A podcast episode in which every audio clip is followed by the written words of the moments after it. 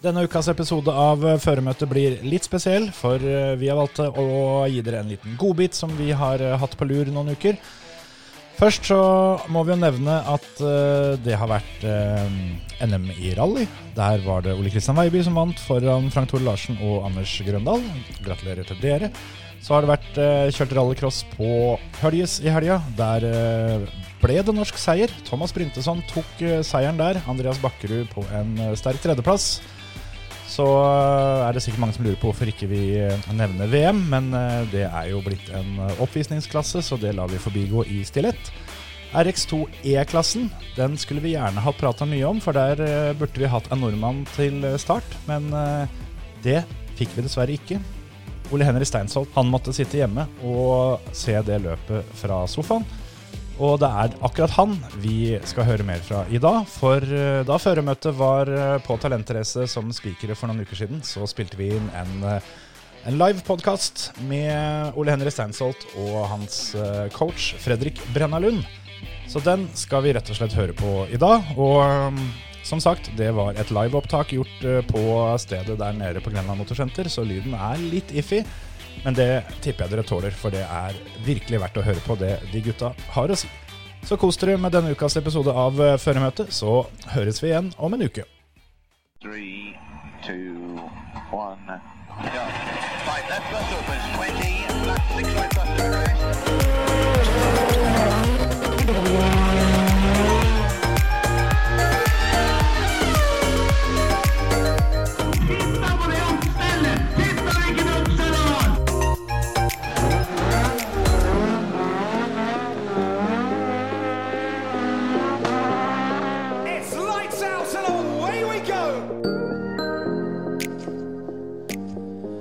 er det bare å kunne ønske velkommen til en føremøtespesial. føremøte uh, spesial.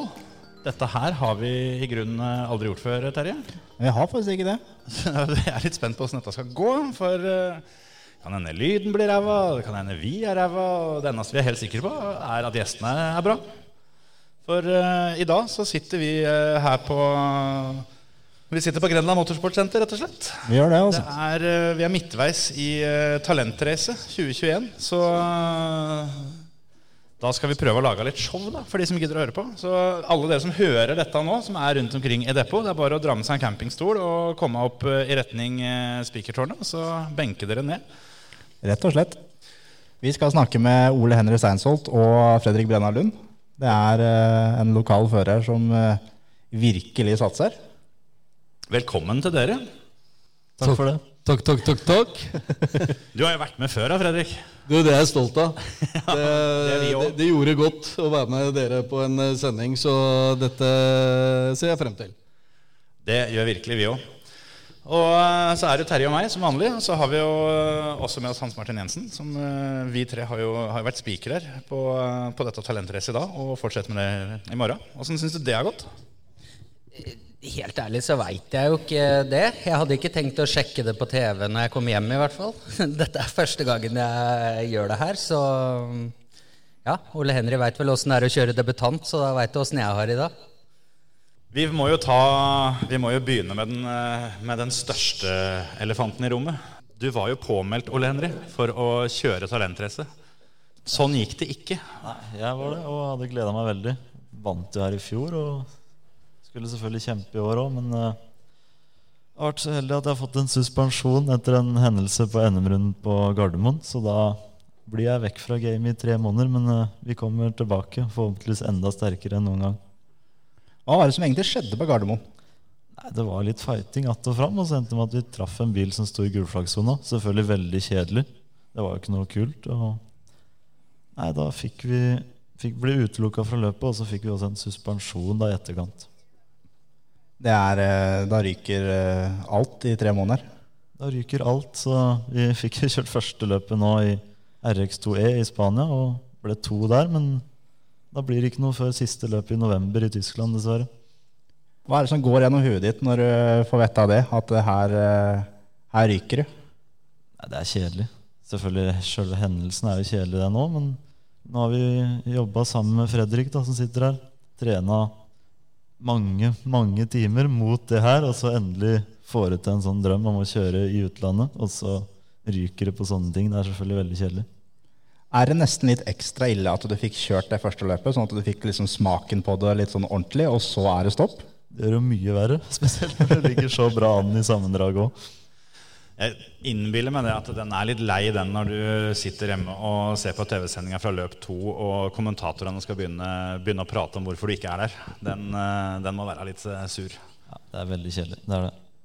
Jeg tenkte på det der med med det første løpet der nede. Det må vi jo også komme litt inn på. Jeg vet ikke, Vi skal ta det litt seinere. For det, den suspensjonen, eh, sånn som jeg har forstått det, i hvert fall dere, dere, har prøvd det meste, men uh, dere føler at toget har gått nå? At nå, nå, er det tre måneder? Altså, det, er, det er ikke noe få gjort noe mer noe lenger? Nei, det er vel det vi, det er, er vel det vi har kommet fram til nå, ja. Det har vært mye folk involvert her som, eh, som, har prøvd eh, å tale deres sak eh, fra egentlig helt øverste hold når det gjelder både internasjonalt og det ene og det andre. er ikke det? Kan dere ikke ta oss litt gjennom det, åssen prosessen rundt det har vært? Nei, vi, har, vi, har, jo mange med oss, selvfølgelig. For dette er jo egentlig bare en trist sak som rammer Ole Henry veldig hardt. Og Nå er det jo ikke så mange nordmenn ute og konkurrerer på det høyeste nivået akkurat nå. Av flere årsaker. Selvfølgelig er det jo coviden og alt dette som man kan skylde på. Men vi har målretta jobba i lang tid for å, å, kunne være med på dette. her, og det var jo litt vanskelig i starten med tanke på at det kunne bli avlysninger som ikke vi kjente til. Så vi valgte jo da som et team rundt Ole Henry og bestemte oss da for at vet du hva, vi drar til. og så kjører vi en NM-runde bare så vi får kjørt litt bil. Det var smart. Ja, det var kjempelurt. Så det er jo mye teamets feil òg, for jeg har jo toppa Ole Henry fram til eh, den internasjonale måten å kjøre på, og det er ikke noe kjære mor. Det veit sikkert de fleste som har vært ute og sett eh, litt hva som foregår der ute. Og, og da komme med den toppinga inn mot NM, som da ble et alternativ, så var han så gira og så høy på adrenalin at eh, vi eh, tenkte at eh, all in, det er det som gjelder. Og det er sånn vi må trene for å, å gjøre det bra internasjonalt.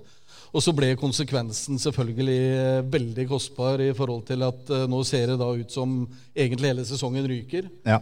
Og, og, vi har jo jobba i halvannet år egentlig for å toppe Ole Henry fram til dette. her, og, og det har jo vært en interessant reise, egentlig. Vi starta i oktober 2019 eh, med en samtale, og Ole Henrik kom til meg og, og spurte hva kreves for å bli eh, best. Og eh, da er jo forklaringen ganske enkel på det. Og det handler jo gjennom at da må du trene som en toppidrettsutøver. Og det har jeg fått gleden av å, jobbe med i 30 år. Og veit jo hva som ligger bak de resultatene vi, vi ser, bl.a. Ingebrigtsen-brødrene og lillebror som nå tok en olympisk eh, medalje og i gullfavør i dag. Det er jo helt sinnssykt. Det er rått, altså. Ja, det er, det er helt fantastisk. Og det, det, ser vi jo nå at det er flere og flere unge talenter som kommer opp. Vi, vi har det eh, innenfor golf, vi har nå tennis, Kasper Ruud. Det er eh, helt vilt hva som ligger bak. Men de har jo starta tidlig, og det er jo liksom den prosessen som Ole Henry var nysgjerrig på og lurte på hva, hva kreves. Og da forklarte jeg det ganske enkelt om at uh, da er det seks dager i uka. Uh, helst to økter om dagen. Og det er jo litt vanskelig å få til da, for når du skal jobbe ved siden av, for det koster jo penger denne bilsporten, har jeg skjønt. det er litt grann økonomi i dette her. Så, så, det at han jobber ved siden av, det er i og for seg greit, men det handler litt om å ta dette her gradvis. Men nå har vi jobba målretta for dette her, og, og, vi har jo truffet uh, veldig godt i forhold til toppinga. Og det viste jo også resultatet i Spania, da. Så at vi fikk eh, lov til å kjøre der nede fordi saken var litt uh, Den ulma litt. Ja. Og det var mye meninger og mange sterke meninger rundt det, men uh, vi fikk i hvert fall disp til å kjøre Barcelona. Og så ser vi nå at uh, det kan ryke en del av de andre løpene. Da. Så vi får håpe at forbundet kanskje snur litt rundt og tenker at det kan være lurt å satse på de som har lyst til å være ute, og vise at Norge fortsatt er på kartet. Da. Mm. Jeg veit jo det, Fredrik, at du er jo en person som liker å si meningene dine. og er eh, ærlig. Hva, hva, hva syns du sånn helt uh, ærlig om, om, den suspensjonen her? Det, det, er jo, det, er jo, det er jo kjedelig, uh, hele, hele, saken. Det er klart at det er mange sterke krefter i forbundet òg. Jeg skal ikke snakke forbundet ned, for jeg har selv jobba der i 17 år. Eh, totalt sett. Eh, 17 sesonger. Eh, litt inn og ut. Jeg har vært innleid konsulent, så jeg har fått lov til å mene litt fra utsida. Og det tror jeg har vært bra for Bilsport-Norge. At eh, det kommer en utenfor som ikke nødvendigvis har sittet bak rattet sjøl, men som tenker litt annerledes enn eh, enn det en del bilsportutøvere gjør. Og det var egentlig litt sånn sidespor nå, men det er, det er en viktig reise vi er på. Vi har fått fram mange talenter, og nå er det jo en ny æra i norsk bilsport, sånn som jeg ser det. Og nå ser vi at resultatene vi har jobba for å få, virkelig begynner å, å komme. Og vi ser også Dennis Hauger nå, som eh, er eh, topp eh, 30 i verden. Ja. Og det er også en, eh, en morsom eh, reise han har vært på, men det kan vi kanskje komme litt tilbake til uten å prate for mye om han, for nå er det egentlig litt Ole Henry og den reisen han har starta. Eh, litt, minner meg litt om Bakkerud. Når jeg begynte med han eh, 16 år, satt alene i et telt eh, på Hell. Hadde ikke råd til eh, en bagett engang. Lånt telt, eh, leid bil, leid leide inn folk. Eh, gikk sånn passe bra eh, der, men eh, vi vet jo hvordan det har gått eh, seinere. Og det er noe med igjen det er å ha lysten til å gå hele veien. Og de er det dessverre ikke så veldig mange av, men eh, når man har muligheten, så tenker jeg at det er viktig å gjøre det på den rette måten. da. Og for deg, Ole Henry, åssen er det å ha med seg han der eh, luringen som sitter der sånn? Eh, angrer du på at du tok kontakt med ham, eller er du glad for det? Noen ganger er det helt jævlig, det skal jeg innrømme. Men eh, det har absolutt vært gull verdt. Eh, Jeg ser at det funker. Jeg har mer energi utover helgene. og Det har absolutt vært gull verdt. Absolutt. Jeg har hørt noen rykter om at starten med 88. Det er ikke tilfeldig. Nei, det, jeg har alltid hatt det, da, men eh, jeg lå vel på det i Kiel også når jeg starta det prosjektet her, så den har vi kommet ganske langt under, kan du si. Hva blir startnummeret til neste år da? Nei, da burde du ha 69.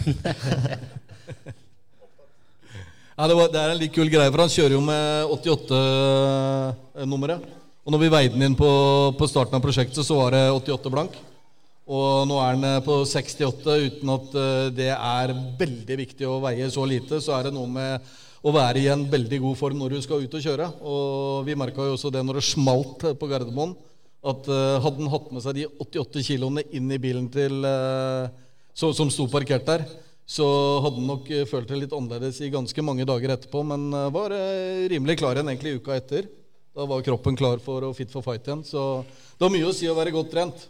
Men er dette en sak dere på en måte har gitt opp nå og tenker framover og egentlig ja, bruker den til å bli enda sterkere, eller har dere ikke gitt opp helt?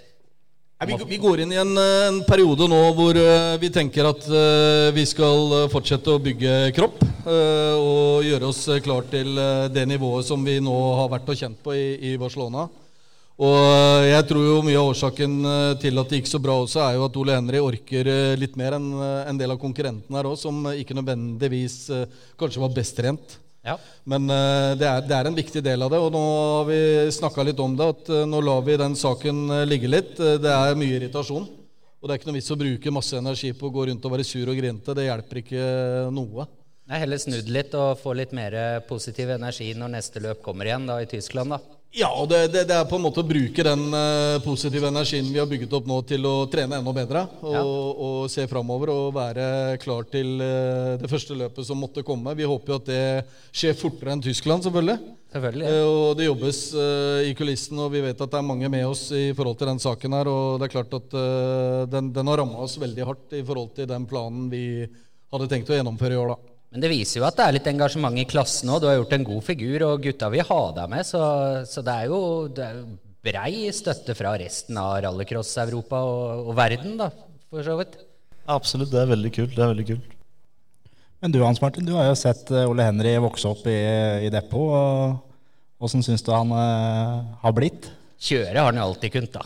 Han er sitter jo og pirker pirka med gravemaskin i mange år, han, eh, før han havna i bilen, tror jeg. Men eh, crosskart, og han har jo vist at han kan mestre det meste og kjøre bil. og ja, for et par år siden her når vi var på Gol og han kjørte fletta der oppe, og så kom på Uvdal med samme bilen og satte seg i rallycrossbil da og kjører eh, B- og A-finaler i begge klasser og kjører fra gutta der, så er det jo det er høyt nivå på gutten. Det er det ikke tvil om. Det er, jo, det er jo litt det jeg også ser etter. da jeg, jeg, når, jeg er på bilbanen, så begynner jeg jo på en måte å lære meg litt hvem er det som eh, er på pedalen, og på den riktige pedalen, for å bruke det uttrykket. Og, og det ser man ganske tidlig eh, hvem som har det trøkket. da Og jeg la jo merke til Ole Endre ganske tidlig i den gruppa med, med juniortalenter. Og det er noe med å tørre å gå hele veien igjen og, og bruke det talentet til noe fornuftig. For det er lov å være god i én ting. Du trenger ikke være best i alt uh, som er litt den der norske mentaliteten at vi skal være litt gode i alt. Og så går du ut som en sånn jevn firer fra skolen og tenker at ja, ja, da kommer jeg jo inn på ditten og datten, men så er du litt sånn en av mange, da. Ja. Og har man uh, muligheten og et talent, så, så, må man bruke det i den perioden det er mulig. Og det er jo Vi er jo i startfasen, men uh, samtidig så veit vi at det er innenfor en uh, tiårsperiode uh, nå hvor han virkelig kan være med og kjempe om titler på det høyeste nivået i verden. Og det er jo det vi ønsker.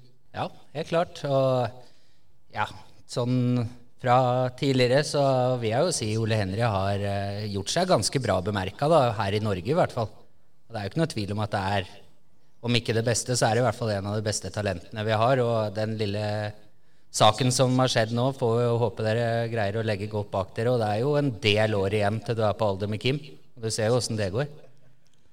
Det er, det er kun 18 år, så allerede kjørt mye bil og sånn, så vi har mange år foran oss. Men etter det, ja, etter det, vi så i dag med, med, at Kim nå har begynt å satse igjen, så, så, blir det jo et Team Steinsholt fra neste år som kommer til å reise verden rundt og, og satse på både senior- og juniorklasser. Da. Så det, det, det, skal bli en interessant reise med også Kim. da. Skal bare ned 75 kilo, tenker jeg, så er vi der. jeg tenkte faktisk på det der som du, som du, sier, at du er bare 18 år. Men vi jeg, jeg syns jeg har hørt om deg eh, i så mange år allerede ut ifra kjøreresultatene dine. Så det er jo i hvert fall det positive med den, der, den der tremånedersperioden nå. At eh, du har tida foran deg. Det blir spennende å se. For det, det er sjelden en 18-åring har så mye bak seg, tror jeg, som, som, det du har. Så det blir gøy å se hva du kan bygge på. Og ikke minst som dere sier, da, nå eh, må det være litt artig òg. Nå forsto jeg det som at det er litt eh, din skyld, Ole Henry, at du har fått dytta pappa Kim da, tilbake i kjøredressen, så han deltar her i helga? Det er det. Jeg fikk jo ikke kjørt sjøl, selv, selvfølgelig. Og da fikk jeg lura han til slutt. Da kjøpte en bil og parkerte den hjemme i gården. Og han var ikke så gira, men dagen etterpå så kom han med ny kjøredress og hjelm og alt. Så da, og så har det gått overraskende bra. Også. Ja, det var vel nummeret før den bilen eh, ble litt pynta på allerede eh, før avreise hjemmefra, skjønte jeg? Jeg fikk prøvd den på gården og gassa litt skikkelig, kan du si. Nei, men Det ble frisk satsing, det. Så det er jo som Fredrik sier, at uh, nå blir det jo, blir jo dobbelt så mange sjåfører i Team Steinsholt framover, regner jeg med? Ja, Vi får vurdere det litt. Men. det, er, det, er, mulig han har toppen sin i dag, eh, og forhåpentligvis i morgen. da. Ja. Så får vi ta den diskusjonen på mandag. Men Vi snakka litt om meritter og alt sammen. og Du har da 18 forskjellige medaljer i ulike mesterskap og cuper, hvor tre er NM-gull og tre er nordeuropeiske gull. Det er ganske drøyt å være 18 år, altså. Har fått kjørt litt, og jeg har jo en uh, statistikk hvor jeg bikka 180 billøp på 55 forskjellige biler. Så Jeg tror ikke jeg når deg til knærne engang. Så i en alder av 18 så begynner det å dra seg til, kan du si. Det er ikke mange på 18 som, eh, som når opp der, tror jeg. Den er heftig. Hva er, hva, er det råeste du har kjørt? Nei, jeg tror eh, landsfinale på hjemmebane. Den henger ganske høyt. Og så er det en Nescull med en Masta. Det er ganske kult. Og Supercar Light på isen, pallplass der. Det er eh, noen som henger høyt. Men du fikk jo låne en uh, rallycrossbil på Uvdal. Hvem var den sin? Nei, Det var bestefar. da. Ja. Fikk kjørt litt 240 supernasjonal. Det gikk jo bra, det òg. Og bestefar har kjørt litt billøp, han òg? Ja, det hadde ikke noe valg, kan du si. Det er både bestefar og onkler og, og fattern har kjørt, så det blei sånn. Ja, Så vi har, kanskje vi skulle utfordra Brenna der, og så heller hatt med tre ganger Steinsolt til neste år? Ja, vi kan ta med onkel òg, selvfølgelig, så får vi fire, men uh, fått dytta bestefar inn i en bil. Det hadde vært moro igjen, det. Absolutt. Aldri for seint. Nei, det er ikke så lenge siden han kjørte heller. Han var jo tura litt i Danmark, var han ikke det? Jo, han kjører et løp i ny og ne, men uh, får se. Det er jo en ting jeg tenkte på, sånn som, sånn som Hans Martin var eh, inne på litt tidligere, at uh, du, du, er jo oppvokst på bilbanen. Uh, som, som sier her da, Med en far som har kjørt veldig mye, men også da, også da bestefar. Så Jeg tipper vel du, du var på billøp eh, flere ganger enn eh, før det du kan huske sjøl. Det stemmer. Har vel noen runder på Hannaålbanen og sånn. Jeg husker jo ikke den banen engang, men jeg har visst vært der et par ganger. ja, ikke sant? Den er jo ikke så langt hjemmefra, da. Men der er det helt likt. Jeg også veit jeg har vært der. Jeg husker ikke banen. Det har vært fleipa noen ganger med det, og det er ikke sikkert det er fleip engang. Men hvis det er noen som hadde fått, uh, fått godkjenning for, å, for å, um, å, kjøre løp av Hanvollbanen igjen, så er, er, det vel mange som uh, tror det at det ville vært noe Steinsholt-maskineri der oppe rimelig kvikt for å sette i stand den banen. Er en fare for det. Men hva tenker du videre da, Ole Henry? Har du lyst til å opp i den store klassen? Spole litt med firehjulstrekk og turbo? Det er absolutt målet, det er det. Så vi ser hva som skjer neste år. Men det er jo en drøm å kanskje få til det allerede neste år. Det er det. det, er det Der er det jo et litt kjedelig spill inne i bildet, da. Dette pengegreiene. Det er det som er, så det, det er jo eventuelt noe nordisk eller noe EM først, da, selvfølgelig. Ja, for det er jo et veldig stort hopp fra det du holder på med nå, til, til den klassen igjen, da. Det er det, absolutt. Men nei, det er det vi jobber mot. Det er det. Nå er det jo godt å kjøre, så vi får vel satse på det kommer noen med en bil. Ja. Nei, en eller annen gang så skal vi dit. Det er målet. Det er riktig. Men du Fredrik, du har jo sett eh, et og annet eh, talent opp igjennom. Hvor langt kan Ole Henry nå?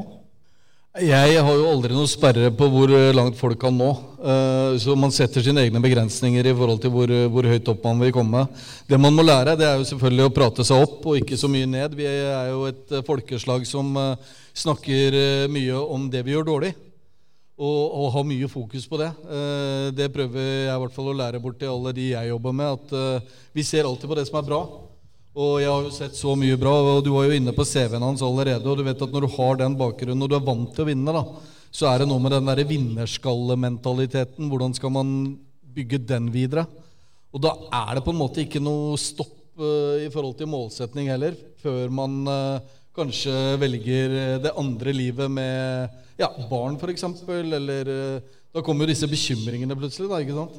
Med at du kjører kanskje på et litt annet gir når man eh, har eh, noen som venter på deg hjemme.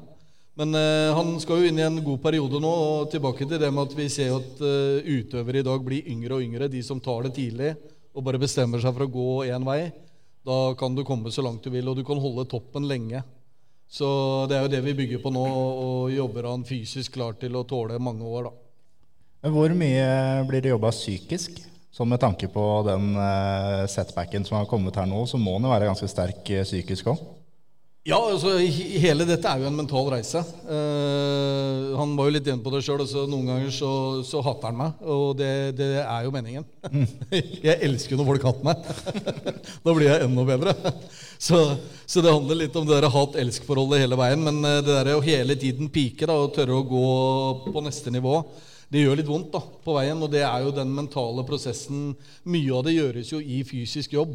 Men uh, samtidig så er det jo litt det vi står i nå, da, som gjør uh, at uh, Hadde det ikke vært for alle timene vi har lagt ned, så tror jeg det kunne blitt veldig lett å grave seg ned og være negativ og, og si at vet du hva, da gidder jeg ikke mer, og da, da kaster vi inn håndkleet. Det er jo klart, det er jo første reaksjonen når man får en sånn midt i trynet. Men samtidig så vet vi jo det at folk som har ligget nede og reiser seg igjen, det blir jo de beste folka. Så, så, hvis ikke du ligger nede og møter veggen, så, så har du ikke sjans uansett. Så dette er en måte å møte veggen på. Så tar vi bare og går rett igjennom eller rundt eller over, og så ser vi hva som kommer på andre sida. Men det er selvfølgelig en mental prosess, hele greia. Og det å likevel klare å holde seg positiv og, og klar for neste eh, utfordring, da. Jeg tenkte på en forbindelse med det så går jeg ut fra at dere har vel allerede begynt å titte mot neste sesong. Og uh, du er jo uh, en utøver på det, det, som heter Norges raskeste landslag. Det er den eneste der som har hovedsatsinga di med en bil som går på strøm. Åssen føler du det er? For det er jo en, en litt heit potet, det der, der at, at, motorsporten skal gå over fra bensin og bråk til å gå på strøm. Ja, det er vel som alle andre at jeg syns det er tøft med, med lyd og, og, røyk, jeg òg. Men eh, nei, det er jo framtida, og fabrikkene vil jo den veien. Og da må jo nesten bare vi gå den veien òg. Føler du at du får et lite fortrinn til de som ikke har gått dit ennå? Det er jo det jeg håper, da. At eh, ja, om et par-tre år, da, når kanskje VM også blir elektrisk, at jeg kan komme da og vise til erfaring. Da. Det er det jeg håper. Men Åssen er det å kjøre en elektrisk bil? Kan du forklare det? Jeg vil si at det er overraskende lett, egentlig. Du slipper jo å tenke på å dra i den kjeppen. og Det er liksom bare gass og brems og tenke på, tenke på hastigheten gjennom svingen og sånne ting. Åssen er tilbakemeldingene som du har fått, uh, fått rundt omkring? For det, hver gang det er tema om det, så ser jeg jo det at det er bra temperatur eh, ute blant publikum. For det er mange som har meninger om de greiene her. Det er det absolutt, og det er jo veldig mange som er sterkt imot det. Men sånn innafra bilen så vil jeg si at det er kult. Vi er jo hva er det vi er, halvsekund bak på runden eh, på supercarsen i Spania, liksom, så det går jo fort. Ja, ja, ja.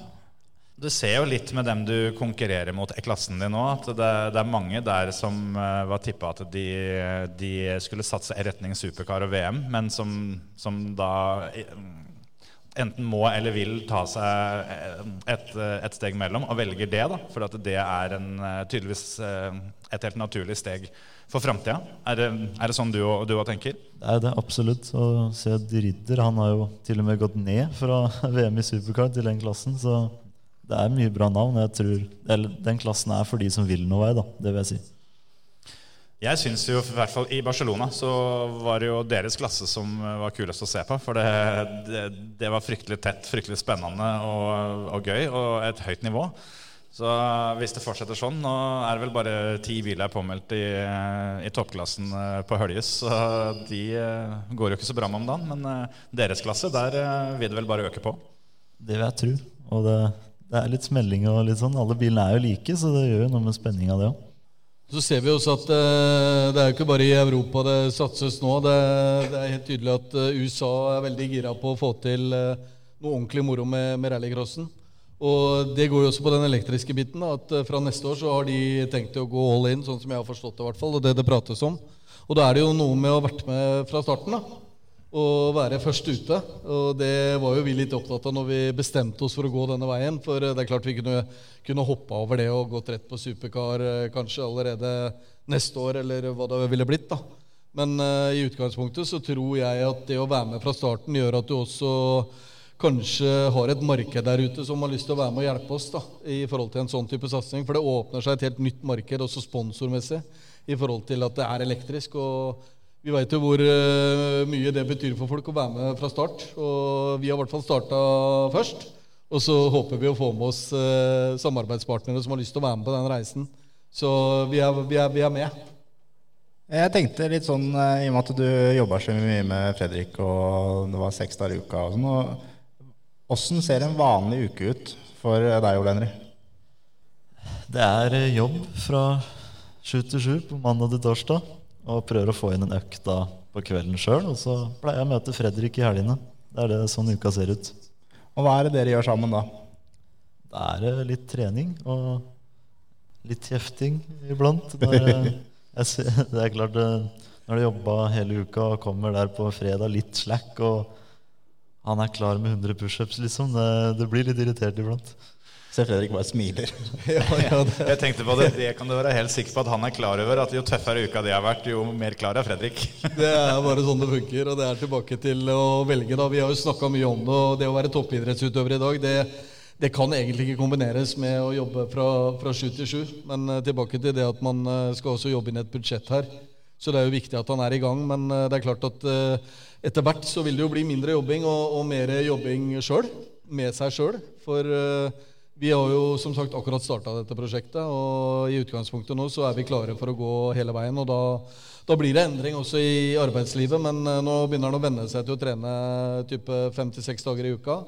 Og uh, igjen så skal jo det dobles etter hvert, så vi får se da om han uh, er klar for det. Men jeg, jeg, tror jo at det kan bli ordentlig moro. Ja, Er det noe du gleder deg til uh, i tida framover? Ja, men det er vel det som må til, så da må han jo bare er det litt sånn at det, det som må til, det skal gjøres?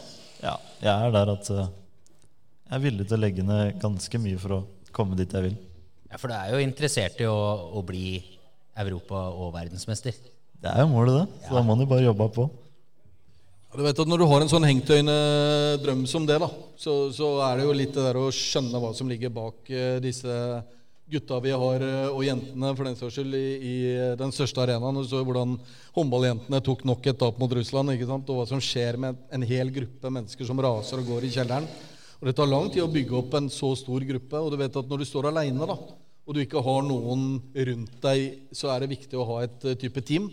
Og det er også det vi er i ferd med å bygge opp. Vi, vi jobber med noe som heter Racingfabrikken, som er et management som eh, har lyst til å gå eh, og være med på reisen. De har jo vært eh, med og, og, og vunnet mye sjøl og kjenner til hva som ligger bak eh, det å bli verdensmester. Så i utgangspunktet så er jo alt bare en spennende reise vi har begynt på. Så spørs det om det er mulig å gjennomføre. Men vi gir oss ikke før vi veit det. Nei, for jeg er ikke plukka ut noen endestasjon her. Det kan gå til topps. Vi satser på det. Det er planen. Vi må jo ha noen nordmenn på toppen der ute, eh, og spesielt i bilsport. Vi, vi begynner jo å få så mange nå som er, er med i toppen, og da er det ekstra moro. Og ikke minst da den ærverdige rallycrossen som vi alltid har vært kjent for å være gode i. Og da er det viktig at vi er på sånn som talentrace i dag og ser at uh, det er mange som har på pedalen her. Og det er klart at det sitter noen eh, her ute og tenker at fy faen, jeg har lyst til å gå hele veien. Ja, for vi har jo mange juniorer her som, som har potensial da, til å, Uten tvil. å komme dit. eh, Ole Henry er òg, for å si det sånn, da. Men eh, det kreves eh, mye jobb, og du skal være litt bestemt på hva du driver med. Ja, og Da handler det jo igjen om å tørre å ta den telefonen og, og ta den kontakten med de som på en måte vet litt om hvordan dette skal gjøres. For det, det er ikke farlig. Det eneste du kan få svar ja eller nei, det er 50% da. Og, så så det, oddsen er ganske god på at eh, du faktisk kan få litt hjelp. Og det handler litt om de gutta nå som har lykkes eh, i norsk bilsport òg, og på en måte bruke de eh, tilbake til eh, de som kommer bak. For å, å fortelle og forklare at eh, det er faktisk mulig å, å bli best. da. Var fin den lyden der. Ja, flott. Ja, Bore litt. Det er fordelen med å ha liveinnspilling i et bilcrossdepot. Da, da får du lydeffekter. Det er deilig. Det er bare synd at eh, de som hører eh, dette her etterpå, som ikke er her på banen, de får jo ikke lukta. Nei. For det, det er lite som lukter så ålreit som et billøp, altså. Fantastisk, faktisk. Det gleder jeg meg til hvert år. Jeg har jo starta ofte med gokart eh, fra midten av januar nede i Italia med Martinius, eller om det har vært alle de andre som har kjørt opp gjennom Dennis Hauger og Dennis Olsen osv. Den, den følelsen å komme på banen og se den skyen som ligger over, og du vet at den lukten det er blanding av olje og eksos, eh, det er, det er eh, noe spesielt. Og det, det er noe man faktisk kan ruse seg på. Så Det er derfor jeg ikke klarer å, å slutte helt med denne idretten. For det er litt sånn, bare den lukten gjør at du blir litt grann ekstra glad. Jeg tenkte på, Apropos bilcrossdepot. eh, Vi er jo på bilcrossløp her, og som vi sa tidlig, så du skulle jo da egentlig kjørt. Eh, Så kjører faren din isteden. Men du snakka om det at du var og henta en bil til han her eh, forrige uke, eller når det var. Han fikk ikke låne den du egentlig skulle bruke, altså? Nei, jeg, kjører som regel Opel Astra. da Det var det som var planen jeg skulle komme med her også. Og, men han har prøvd å kjøre framhjulstrekk én gang før. Et bakkeløp. Det gikk vel 50 meter før det gikk rett i skogen. Så da fant jeg det å hente noe Volvo til. Det er vel det han har fått det best opp igjennom. Ja. Det kan hende at eh, han har det litt mer moro i en svær Volvo. Det er vel det han har vært vant til opp gjennom åra. Passer litt bedre inn der enn en Opel. Han har sagt det flere ganger. Jeg har tatt med av heatseierintervjua i dag. Og det har jo vært et stort glis hver gang og kosa seg noe alvorlig. Ja. Åssen føler du Altså, Kim eh, har jo i alle år hatt en eh, Hva skal du kalle det? En, eh, en ganske glad kjørestil. Eh, er det noe du har arva, føler du, eller har du på en måte bygd ditt eget? Vi vil si jeg har bygd mitt eget, egentlig. Men ja, man må jo gasse, da. Det er viktig. Må klemme på. Tungt høyrebein, det, det, det, tror jeg ligger til Steinsholt-slekta. Det stemmer. Hvem er, det trener du, bare styrke på høyrebeinet. hvem er det du ser opp til som, som en sjåfør? Jeg husker når jeg spant rundt i rallycrossdepot som liten. Så var det jo, Den gangen var det Sverre Isaksen som var store idolet. da Det var han som var på toppen da. Men vi har jo kjørt buss hjem fra Gol når du var eh, på denne størrelsen, og da var det ikke noe Isaksen som gikk på TV i bussen. Da var det Skanke og eskorten. Det har vært litt skanke òg. Jeg har vel sett de gamle rallycross-action-filmene på VHS-spilleren ganske mange ganger. Ja, men du må jo kjøre Jeg syns du har mer lik kjørestil, Martin, enn en Sverre, i hvert fall. Det, så ta deg noen timer til med Skanke, du. Det er bra. Men det betyr jo at du eh, har en startklar eh, Opel Astra hjemme til den dagen eh, du får lov å kjøre igjen. Og sjøl om det er, det er rallycross og internasjonalt som er hovedmålet, så du er vel ikke ferdig med bilcrossen? Nei, jeg må få prøve å få med det løpet her. da Det er jo et av de største løpa, og på hjemmebane. Og så jeg må prøve å få det igjen neste år iallfall. Det er planen. Altså, Du vant jo i fjor, så det er sånn sett tittelforsvarer. Eh, og sjøl om noen andre tar over tittelen her, så er det jo aldri noen som har eh, tatt den fra deg på banen. Så om du kommer tilbake neste år, så er du jo fortsatt eh, en slags undefeated champ. Jeg skal få prøve alt jeg kan igjen neste år. Det er helt sikkert. Hvor viktig syns du bilcrossen har vært for deg? Du, du har jo kjørt, eh, kjørt veldig mye rart, men du har alltid funnet tid til å kjøre bilcross innimellom. Jeg har det, og jeg har jo som regel kjørt framhjulstrekker. Da. da er du som regel ikke først ut av starten. Så du har jo lært deg det å fighte litt og komme deg forbi, da, som jeg har tatt med meg videre i, i rallycrossen. Så absolutt, det har vært lærerikt. Jeg tenkte på en annen ting som en ofte har i bilcross, at uh, en aldri gir opp hvis det er noe som skjer. Og i Barcelona så kom du jo inn uh, med en ganske eh, knust bil, men det, det ble ikke gitt opp. Nei, Det var noen hjul som hang opp på halv tolv der òg, men vi fikk jo dratt over den vår, så Er det noe du liksom tar med deg fra bilcrossen? At eh, hvis du kommer inn, du kan jo griserulle et hit, og så kan du stille til start til neste? det er jo det. Det er jo ikke så nøye liksom i bilcrossen, så kan jo hende at jeg har lært litt derfra og der, ja. Jeg har lært det at uansett, uh, uansett nivå du kjører bilsport på, så, så er det den samme rullen med gaffateip som blir funnet fram når, uh, når det kniper. Det er det. Du må få det over mål. Det er viktig. Men du da, Fredrik, hva syns du om bilcross? Du vet, Jeg, jeg syns det er kjempegøy når det smeller litt. Eh, Det er jo på en måte min oppvekst. Eh, Når det smeller, så er det gøy. Så, så bilcrossen, det er, det er jo moro, fordi man slipper å ta det der hensynet hele tida. Man kan gå litt på inneren og ytteren og prøve seg litt fram uten at eh, konsekvensene blir helt sinnssyke.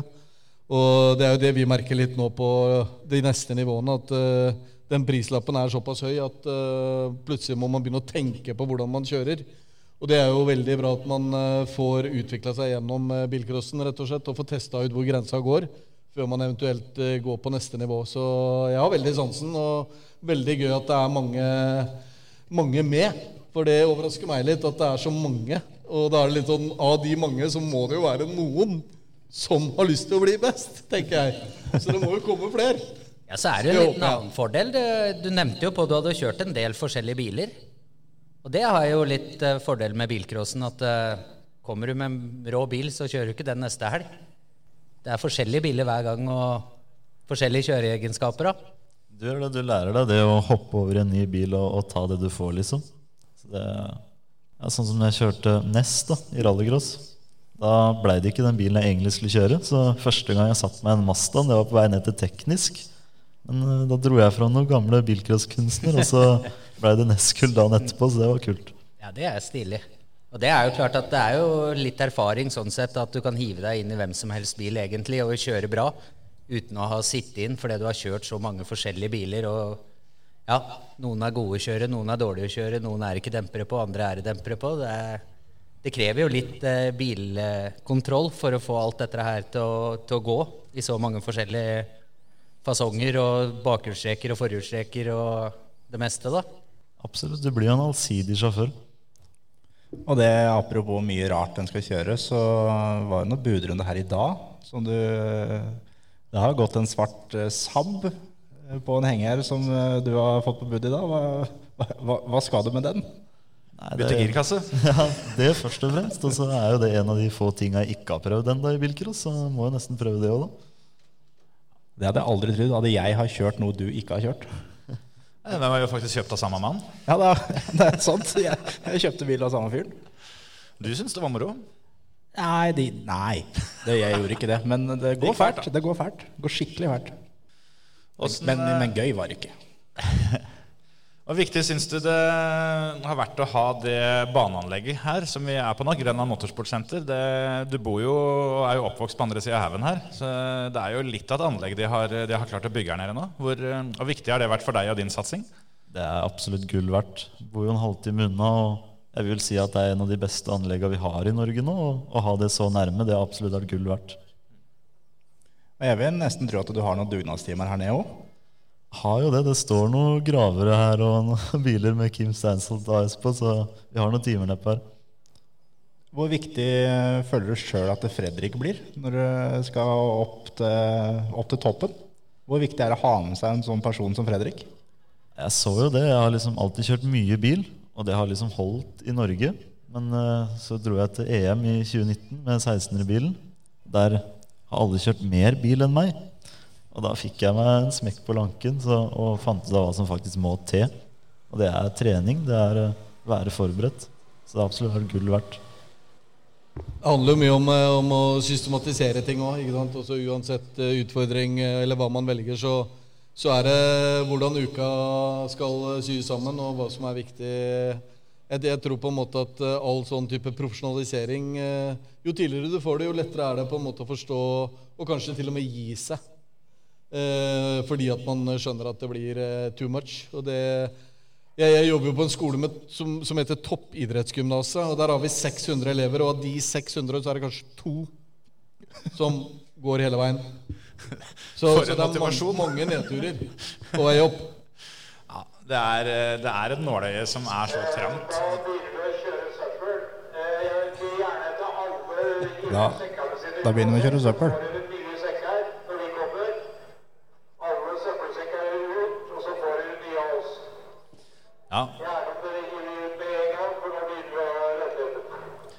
Pant på søppelsekker på Grenland Motorsportsenter. Sett ut en fulle få en ny en i bytte.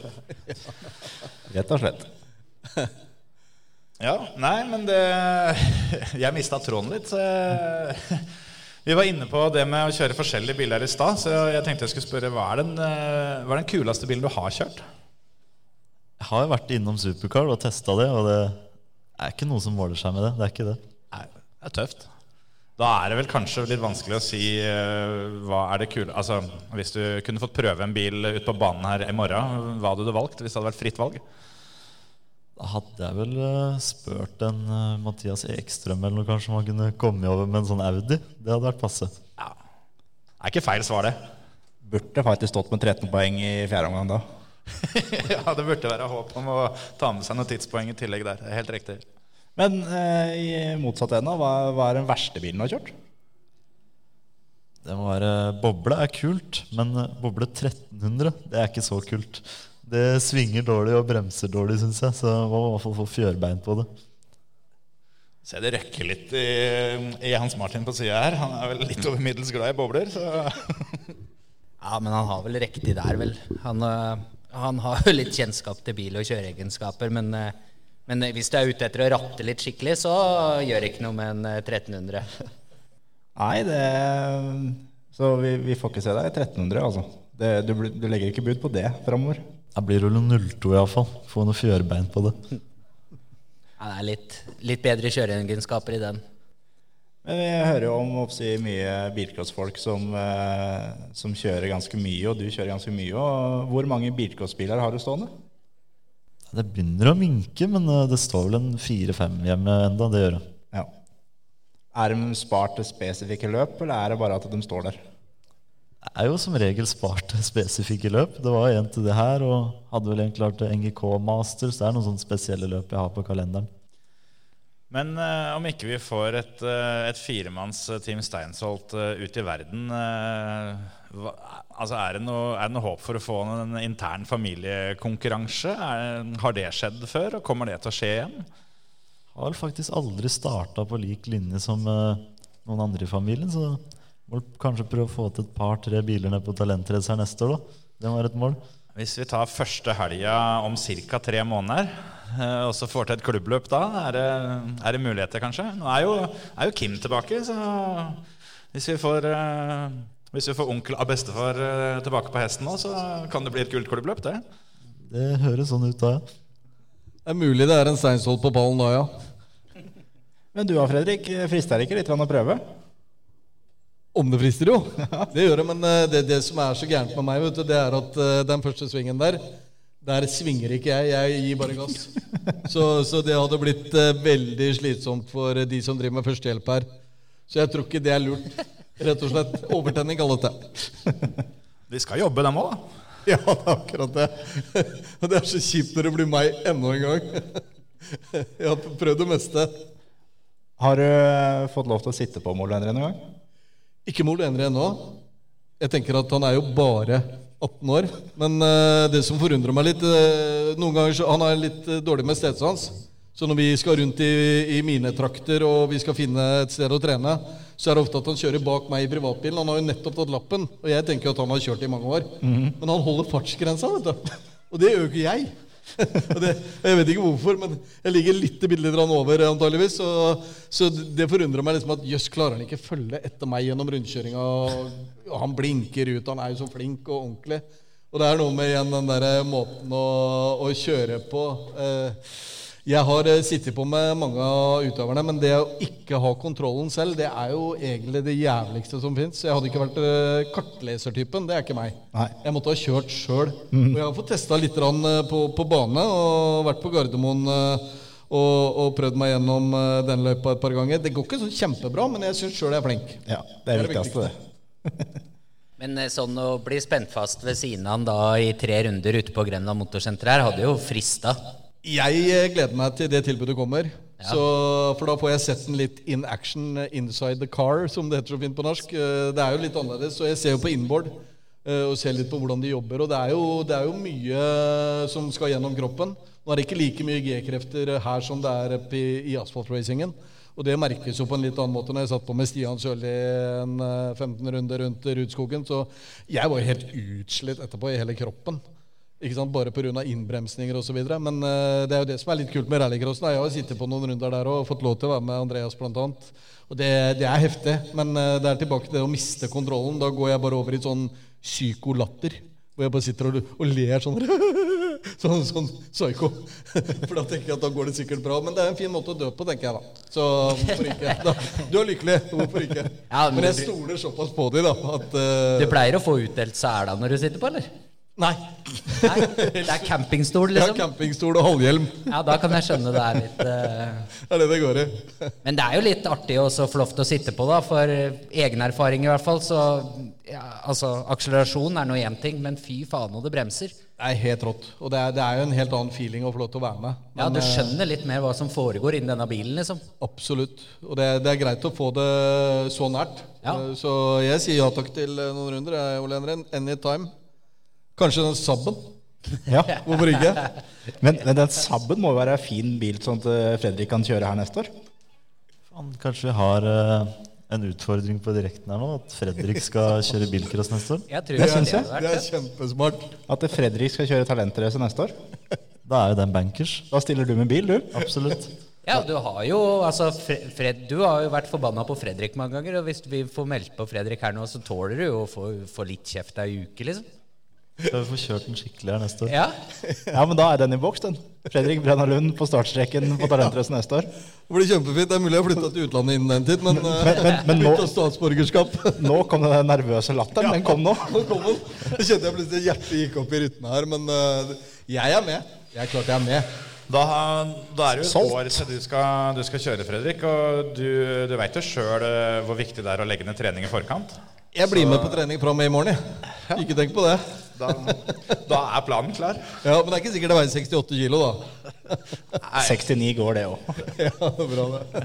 Det blir jo litt artig å se hvem startnummer du får, da, for da må vi jo veie deg inn fra første stund. Og du bor jo ikke så langt unna, så jeg skal jo greie å få kommet ned til deg og få veid deg, i hvert fall. Ja, Da blir det i hvert fall ikke langt unna tresifra type startnummer. Men eh, jeg skal lure meg under det, da. Det kan være en grei eh, målsetning.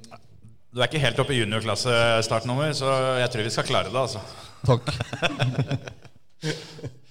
Nei, men skal vi si at da, da, har vi, da har vi en langsiktig plan her. Og så har vi, har vi fått prata litt om det som eh, har skjedd, og det som skal skje. Så får vi bare takke dere for praten. Takke alle dere som eh, har hørt på. Og så er det jo bare å glede seg til det som skal skje her på banen i morgen. For da er det fjerde omgang og finaler i Talentrace. Jeg vet ikke om du kommer til å være her og se på, Fredrik. For jeg har hørt noen rykter om at du egentlig er på ferie, men avbrøt den for å komme her og være med oss. Ja, klart jeg måtte det. Eh, Du sier ikke nei til føremøtet. Det er Det er, jo, det er jo det viktigste, mener jeg, da, å få snakka litt om eh, denne idretten vi er så glad i alle sammen. Så da var det å avbryte ferien, og så er jeg i gang med type vanlig jobb, som det heter så fint. Den 50% som jeg har på toppidrettsgymnaset. Vi begynner alltid en uke før. Alle andre for å, å fortelle dem at vi må begynne litt tidligere for at uh, det må trenes. Ja. Så, så det er jeg klar for eh, fra mandag, men uh, alltid hyggelig å være med dere. Det setter vi pris på.